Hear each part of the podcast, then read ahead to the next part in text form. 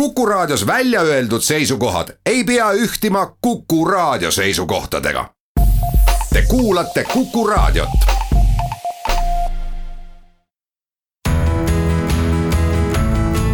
kuku Raadio nädala kommentaar. tere, mina olen Kivisildnik ja räägin teile täna teaduspõhisest poliitikast ma tean, millest ma räägin, sest ma olen mitmes kõrgkoolis õppinud teaduslikku ateismi Nõukogude Liidu Kommunistliku Partei ajalugu, dialektilist materialismi, poliitökonoomiat ja filosoofiat. eelmine okupatsioonivõim oli teaduskeskne, kõik oli teaduslikult põhjendatud, nii okupeerimine, küüditamine kui kirjanduskriitika. okupantide teaduspõhise poliitika saavutused olid silmapaistvad.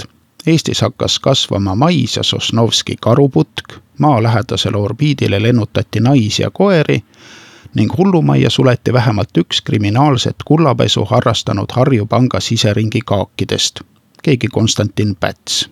lihtrahvas muidugi teadussaavutustest ei hoolinud, kurdeti krobelise peldikupaberi nappuse üle, mille abil võiks tänapäeval ehk terroriste üle kuulata unistati viineritest, mandariinidest ja karhutossudest. suvaliste salakaubana sisse toodud teksapükste paari eest maksti meeleldi kuupalk või enamgi veel ning dogmaatilise rahvaste sõpruse üle ainult irvitati meelelahutusena teadus siiski toimis. Gustav Naani ja Jaan Kaplinski väitlused olid ehk sama populaarsed kui Eurovisiooni eelvoorud täna.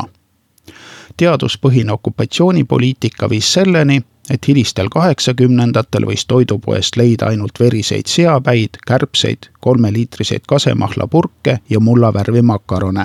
mõistagi oli teaduspõhise okupatsioonipoliitika eesmärgiks õiglane maailmakord, progress, ekspluateerimise lõpetamine, küllus, õnn, rahu, töö, rahvaste sõprus ja võrdsus. naiste ja koerte võrdsus õnnestuski maalähedasel orbiidil saavutada samuti oli olulisel kohal looduskaitse ühe maailma ajalooliselt tähtsa hõlmikpuu pärast jäi Tallinnasse ehitamata uus ooperiteater. seega saavutas vaimueliit olulise võidu alatu kultuuribürokraatia üle. minu jutu mõte on selles, et teaduspõhist poliitikat on meil juba proovitud ja teaduspõhise poliitika ohvrite mälestuseks on püstitatud mitmeid monumente edaspidi on poliitikud kas teadlikult või kuidagi teisiti teadusest eemale hoidnud kunagi töötas mu kursusevend Riigikogu informaatika osakonnas. loodan, et ma kontori nimega ei eksi. oli ja ilmselt on praegugi olemas selline asutus, mis korraldab uuringuid, et varustada Riigikogu provintsi haldamiseks vajalike andmetega.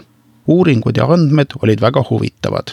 meenub üks vanem väärtusuuring, millega taheti teada, mida inimesed oluliseks peavad. nii küsitigi, mis on teile teie kodukohas oluline küsitletud lugesid ette lõputu loetelu häid asju, töökohad, lasteaiad, arstid, värgid, mis kõik.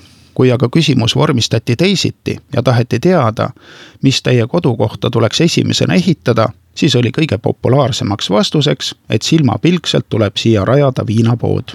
Õnneks keegi riigikogulastest neid andmeid ei vajanud. väidetavalt oli igal riigikogulasel oma asi ajada ja mis asi see on, seda teadis ta ka ilma Riigikogu infoosakonna abita muide, need uuringud olid veel mingi aeg tagasi avalikud, tõsi küll, raskesti Riigikogu koduleheküljelt leitavad. meilige, helistage, küsige. tehke teadlastele seda rõõmu, et vähemalt keegigi tunneb nende töö vastu huvi. kursusevend lahkus sellelt vastutusrikkalt töölt akadeemilistele jahimaadele. iseendale ja mulle uuringuid teha ei tundunud ilmselt piisava väljakutsena ühesõnaga, meil tegelikult on eeldused teaduspõhiseks poliitikaks täiesti olemas ja vähemalt mõni aeg tagasi olid need Riigikogu infoosakonna uuringud teaduslikud. see tähendab, uurida võis kõike, kõiki uurimistulemusi võis moonutamata ja kärpimata kujul avaldada ja mis väga oluline, uuringute tulemusi ei kirjutatud ülevalt poolt ette. see ei olevat Euroopas kuigi laialt levinud praktika kui eelmise okupatsiooni ajal oli teadus kasutusel, siis oli täpselt reglementeeritud, mida uurida, milline tulemus tuleb saada ja mida võib avalikkuse ette tuua.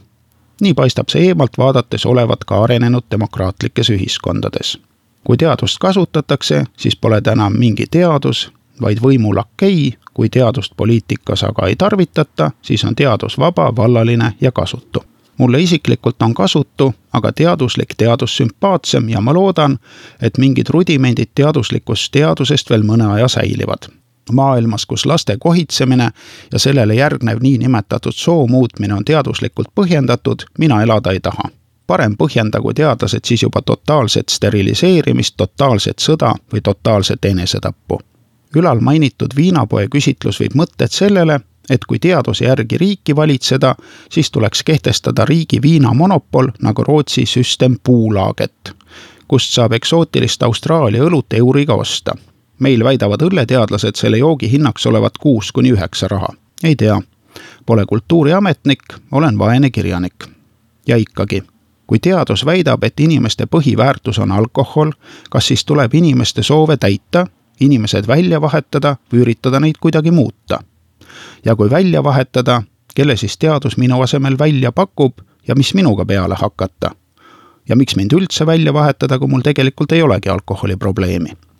alkohol on ebakultuurse ja vaese inimese põhimeelelahutus. võib öelda ka orjastatud ja ekspluateeritud inimese meelelahutus. kas vaene ja rumal on ise süüdi, et ta peab viina jooma ja Beethovenist midagi ei mõika? ja kui teadus pole siiani joodikutest kultuurigurmaane teinud mis alust on meil loota, et see juhtub juba homme. kuku raadio nädala kommentaar